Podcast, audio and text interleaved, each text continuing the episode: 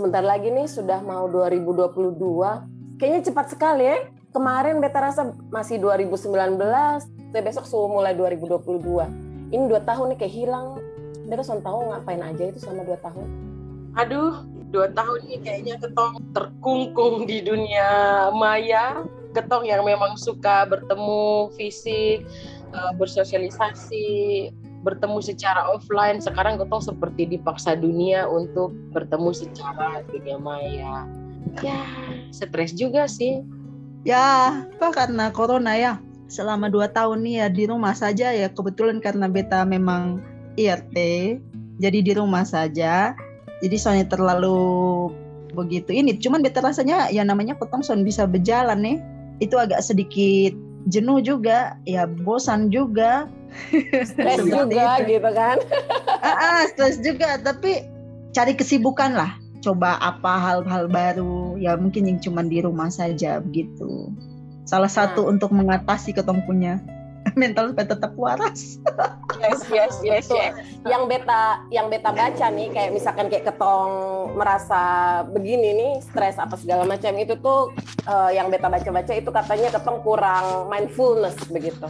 Kayaknya seru juga ketong eh, ngobrol soal mental issue, kemudian mindfulness. Kayaknya kurang seru kalau ketong cuma tiga orang. Kebetulan beta ada kenalan, teman dekat yang teman Asik. jauh. Ini ketong jarak jauh ya, bukan bertemu secara fisik lagi-lagi karena pandemi ah, eh, menjenuhkan. Ketong sudah ada Vian yang sekarang ada di Manggarai dan ketong eh, melakukan telekonferensi secara jarak jauh. Halo Vian. Halo, selamat siang. halo Kavian selamat siang salam sehat Ya, salam sehat. Apa kabar buat Flo, Ellen, sama Kastrid di Kupang sana? Sehat. Mudah-mudahan, Baik, baik. mudah-mudahan kabarnya baik. Ketong juga harus menyapa teman-teman Jepur di luar sana karena ini episode eh, ketujuh dari Ketong Pung Podcast yang Ketong akan membahas soal eh, mental issue tapi lebih ke mindfulness bagaimana Ketong mengendalikan Ketong punya stres apalagi di masa pandemi. Oke, karena Ketong eh, sudah ada teman dari Manggarai, Vian, Roger. Mungkin perkenalan singkat dari Vian, silakan siapakah dirimu gerangan? Kenapa kita menarik Eh. dirimu membahas soal mindfulness? Saya Vian, saya tertarik bahas topik ini karena memang saya dua tahun terakhir itu membaca atau mempraktikkan filosofi atau gaya hidup Jepang gitu atau apa yang disebut dengan eh, spiritualisme kekinian gitu. Kalau di Eropa orang tren sebut Zen, Buddhisme, Buddhisme kontemporer atau semacamnya. Tapi kebetulan karena dulu eh, ketertarikan saya ke filsafat, makanya lebih banyak bacaan-bacaan saya itu ke itu eh, spiritualisme modern, meditasi, soal apa namanya kesadaran dan sebagainya. Wah, kayaknya agak berat Seperti ini ya istilah-istilah ini. Nama- Iya. Jadi apa eh, kayaknya ritual Zen ya? Itu tuh kayaknya kurang lebih hampir sama dengan mindfulness ya Kak Vian ya. Ya, kalau rata-rata kan pemahaman orang timur tentang kesadaran itu kan eh, lebih lebih bermula itu dari tradisi Buddhisme, Buddha.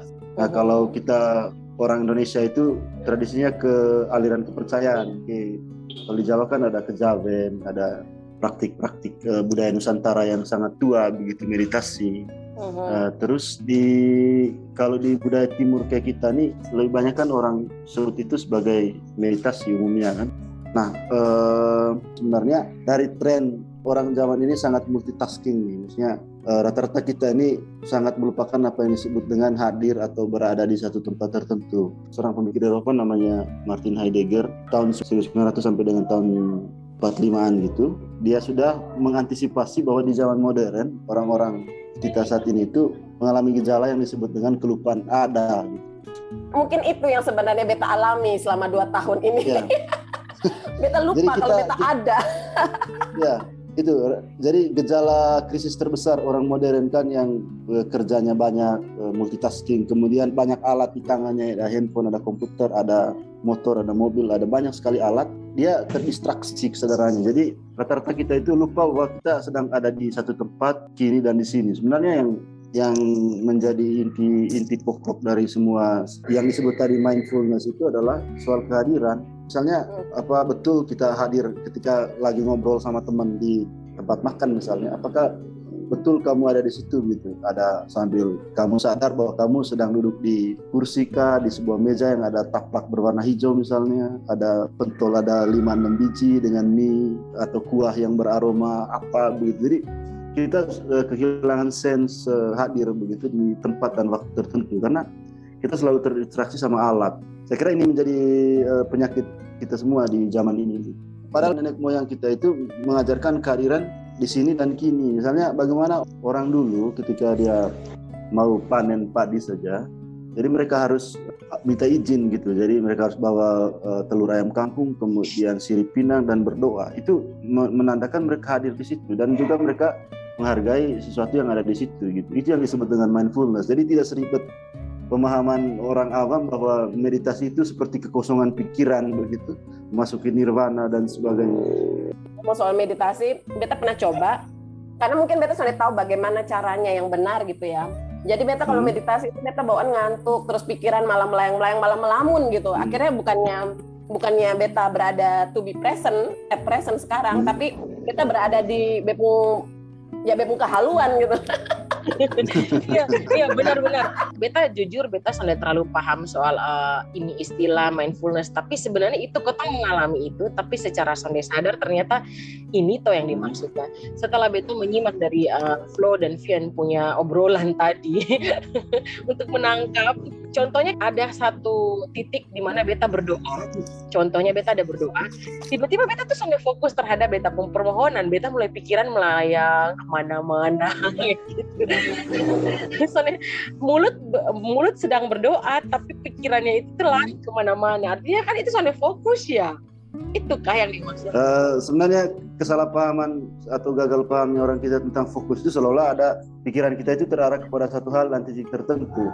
Padahal kan itu gaya Eropa namanya, namanya uh, konsentrasi ala Eropa. Misalnya ketika kamu lagi dengar Mozart, Beethoven atau macam-macam, pikiran kamu itu terfokus pada uh, alunan nada atau musik tertentu. Tapi yang dimaksud dengan mindfulness ala ketimuran itu kamu memanfaatkan panca indera kamu itu untuk merasakan apa pun. Misalnya pagi hari, kamu bangun tidur, kemudian kamu ambil nafas, tarik nafas, lepas nafas, jalan kaki, telanjang kaki, itu yang disebut dengan mindfulness.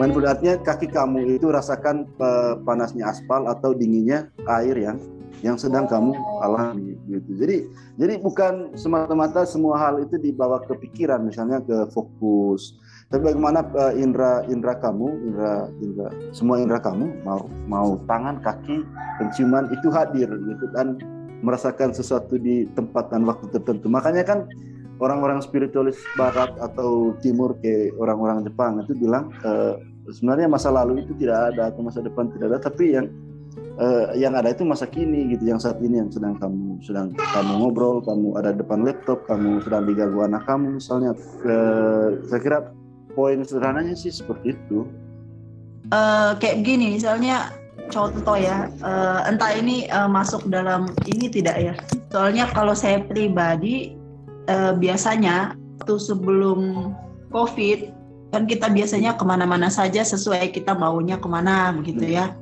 tinggal jalan ya tinggal yeah, yeah. rencanakan kapan jalan-jalan ke mana begitu pantai atau yeah. ke mana Nah, setelah pas waktu dua tahun ini uh, merasakan, maksudnya harus tetap stay at home, semuanya dilakukan dari rumah. Semakin ke sini selama ini kan uh, kita juga jenuh dengan uh, hal yang sama, rutinitas yang sama. Yeah. Kita pengen keluar. Jadi terkadang tuh maksudnya saya sendiri ya pribadi kalau misalnya sudah apa kita kan dengan gadget, dengan TV dan lain-lain itu kan rasanya kayak uh, jadi uh, aduh bosan. Jadi pengennya tuh keluar. Tapi uh, karena adanya ppkm dan lain-lain tidak bisa ini malah kitanya jadinya berpikir langsung kayak uh, kita memikirkan yang dulu kita ah kita bisa ke pantai kita bisa ke ini. Itu masuk tidak ya kak ya? Saya kira kan pengalaman mindfulness atau yang orang bilang tadi hadir kiri dan di sini itu sebenarnya bisa dinikmati dengan banyak cara misalnya. Hanya kan ketika kita berwisata konsep kita tentang wisata itu adalah selfie dan foto-foto gitu. Jadi kita tidak fully present di satu tempat kemudian menikmati bagaimana air garam itu masuk ke lidah kita gitu. Ketika eh, misalnya main-main di pantai atau pasir masuk ke telinga hidung dan sebagainya mandi di pantai bebas gitu tanpa ada pengalaman yang kamu harus tafsir dengan eh, hal-hal uh, tertentu misalnya. Misalnya kayak kita berkumpul dengan keluarga, itu ya. gadget tuh tolong disimpan dan kita nikmati kebersamaan. Ya. ya, karena kita kan generasi yang selalu terganggu oleh barang-barang gitu, entahkah uh, gadget, TV, uh, koran, buku dan lain-lain. Karena kemudian lalu kita bilang kami kehilangan uh, momen bersama itu karena kita habiskan waktu untuk melayani media sosial misalnya melayani like dan uh, interaksi yang kemudian interaksi itu tidak terjadi secara person to person real gitu.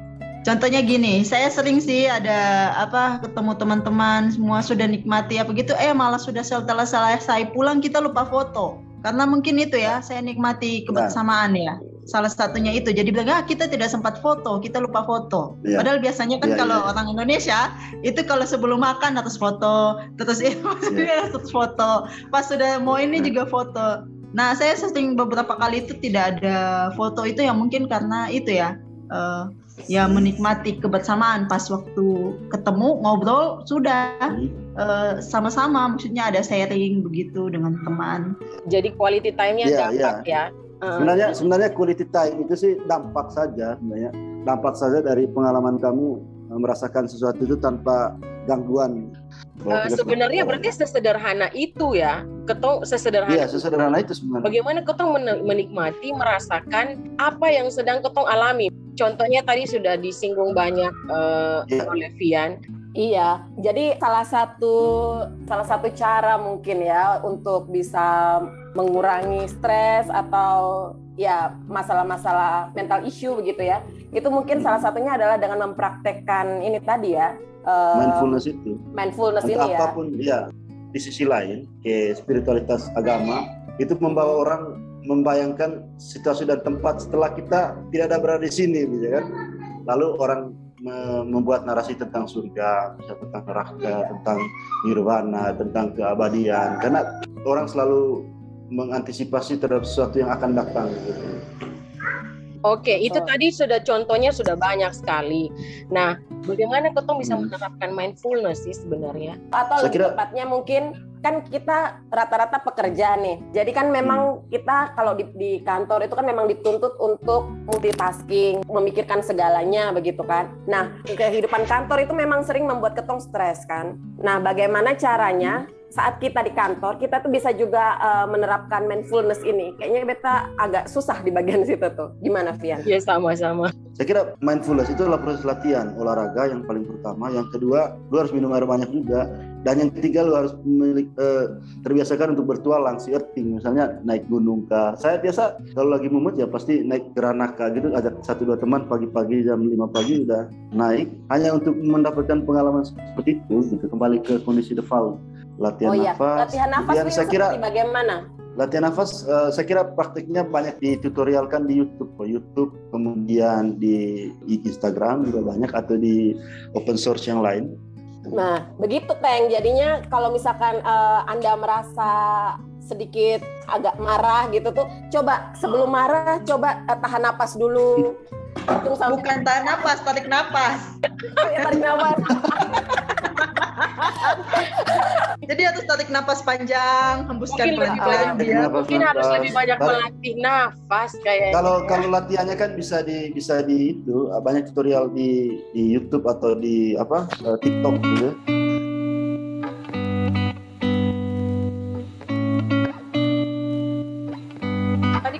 Sudah berbicara banyak soal contoh-contoh mindfulness, uh, Vian. Nah mungkin biar lebih membumi tentang ini ini isu, sebenarnya manfaat hmm. dari mindfulness ini apa sih, Vian? Menurut uh, menurut Vian? Kalau saya berangkat dari pengalaman pribadi, uh, manfaat mindfulness itu lebih ke mengurangi stres dan uh, resiko kita terganggu oleh banyak hal ketika melakukan sesuatu gitu. Jadi uh, mengembalikan kita pada uh, kenyamanan menikmati apa pun yang kita lakukan aktivitas maupun olahraga kerja makan dan sebagainya. Jadi mindfulness itu pada dasarnya mengembalikan uh, kesehatan mental kita itu ke kondisi alamiahnya, default. Berarti Kavian, ini Ya, uh, siap. kita itu maksudnya bagi manusia ya panca indera kita seluruh panca inderanya kita itu ya kita kembalikan ke fungsinya kayak gitu. Iya dong, sense menikmati itu semua orang paham lah bagaimana cara menikmati sesuatu sebaik mungkin begitu senikmat-nikmatnya. gitu. Apakah Iya, iya. mindfulness ini juga bisa diterapkan ketika ketong merasa bahwa ih ini ketong bukan diri ketong deh. Eh, maksudnya di level tertentu kan orang stres dan kemudian dia menjadi seperti bukan dirinya begitu Ah, ah, maksudnya. ah, ah. Iya iya. Itu Eh, tiap itu, itu saya bilang tadi tiap-tiap orang punya daya juang pribadi untuk keluar dari stres gitu. seperti seperti seorang seseorang yang terperangkap dalam suatu ruangan misalnya pasti dia punya cara-cara tertentu untuk dia bisa menguasai dirinya kembali. Eh, saya kira ada satu pernyataan menarik Bung Hatta em, apa namanya founding fathers kita. Dia bilang "Eh, kamu boleh memencarakan badan saya tapi tidak pikiran saya. Berarti situasi atau suasana hati itu kita ciptakan sendiri kan? Seperti banyak orang bilang. Ah, atau iya. kebahagiaan pun kita yang desain atau kita yang ciptakan. Oke, kayaknya menarik juga ketemu punya uh, tema ini Kari. Closing statement dari Vian tentang uh, untuk mengajak manusia kekinian bagaimana uh, cara menerapkan mindfulness. Kawan-kawan The Jepun, hari ini kita boleh terganggu dengan macam hal, misalnya kegelisahan, eh, ketakutan, atau juga gangguan-gangguan lain eh, di bidang pekerjaan kita, kerja apa pun kamu, Eh, misalnya stres dan lainnya. Tapi kita juga punya hak untuk mengembalikan tubuh kita, pikiran kita, perasaan kita ke kondisi default ini berkesadaran. Eh, kata kuncinya sih menikmati. Kapan lagi kita menikmati hidup ini sebaik-baiknya kalau bukan hari ini di sini gitu. Jadi eh, situasi itu kamu ciptakan sendiri, kamu punya daya juang untuk mengembalikan dirimu dari stres, kamu bisa mengatur kembali menata ulang masa depan kamu, kemudian eh, bersahabat dengan kekecewaan-kekecewaan kamu. Poinnya bahwa kita berhak untuk menikmati apa pun yang kita lakukan hari ini, kini dan di sini. Terima kasih banyak. Uh, poin yang beta tangkap dari ketong punya obrolan kali adalah bagaimana ketong itu uh, punya hak atas diri ketong sendiri. Kalau sakit hati ya sakit hati aja. Kita menikmati kita menikmati proses sakit hati itu. Kecewa ya kita menikmati Iya. proses kecewa. Tapi ketika ketong uh, sudah berani keluar dari itu rasa sakit atau kecewa atau marah, maka ketong berhak juga untuk mengendalikan ketong pikiran bahwa ketong berhak untuk bahagia. Mungkin dari Ellen ada tanggapan? Oke, ya betul juga. Ateng sampaikan bahwa kalau ya kita sakit hati ya sakit hati saja, gembira ya gembira. Maksudnya kita mau merasakan bahwa ya kita ada di kondisi seperti itu ya nikmati saat itu. Sedih ya sedih, tapi bukan berarti berlarut-larut ya. Jadi bisa move on, maksudnya seperti itu dengan mungkin ada uh, perasaan bersalah pada diri sendiri ya, memaafkan diri sendiri. Terus itu kembali lagi seperti kita yang ya versi terbaik dari Ya. hari yang sebelumnya. Versi terbaik itu di garis bawahi. Oh iya, Oh iya benar benar benar benar keren keren keren. Kalau? Iya, kalau beta em, kurang lebih sama sih ya. Mungkin eh, seperti Bepung pengalaman, kalau misalnya beta Bepung pikiran lagi penuh atau ya emosi lagi menumpuk, jadi kita tenangkan dulu diri, kita diam dulu, jangan jangan cepat bereaksi. Begitu juga ketika misalkan melihat eh, postingan di sosmed yang entah diragukan kebenarannya, itu kita juga jangan jempol kita juga jangan terlalu cepat untuk merespon atau men-share atau apa pun. Jadi maksudnya eh, ketika kita sedang penuh, baik itu eh, maksudnya emosi kita sedang penuh, pikiran kita penuh, kita diam dulu. Kita latihan bernafas seperti tadi, kita latih per- pernafasannya kita supaya kita tenang lalu setelah kita tenang baru kita boleh berbicara dengan orang begitu. Kurang lebih seperti itu. Jadi seperti tadi kan Vian bilang juga kan eh, mindfulness ini kan harus dipraktekkan harus dilatih juga gitu. Jadi ya memang ini supaya intinya supaya kita bisa lebih mengendalikan diri sih Oke, terima kasih eh, teman-teman eh, Vian yang sudah jauh-jauh telekonferensi dari Manggarai dengan eh, posisi kita bertiga yang juga melakukan telekonferensi tidak eh, bertemu secara fisik hari ini. Terima kasih juga teman-teman Jepun yang sudah benar-benar eh, hadir untuk menyemangati Ketempung Podcast. Eh, baru dapat notif kemarin dari Spotify sama Anchor.fm eh, di 2022 untuk lebih bisa berkreasi lagi. Terima kasih dukungannya teman-teman yang sudah dengar Ketempung Podcast. Support dari teman-teman adalah eh, motivasi juga untuk kita.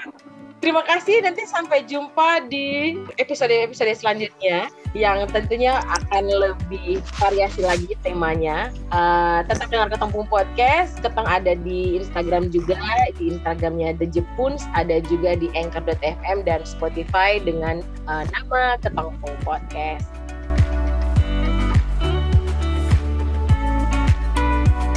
Ateng pamit. Dadah. Lo juga pamit. Dadah. Ellen juga pamit. Terima kasih Kak Fian. Ya, Terima sama-sama. kasih.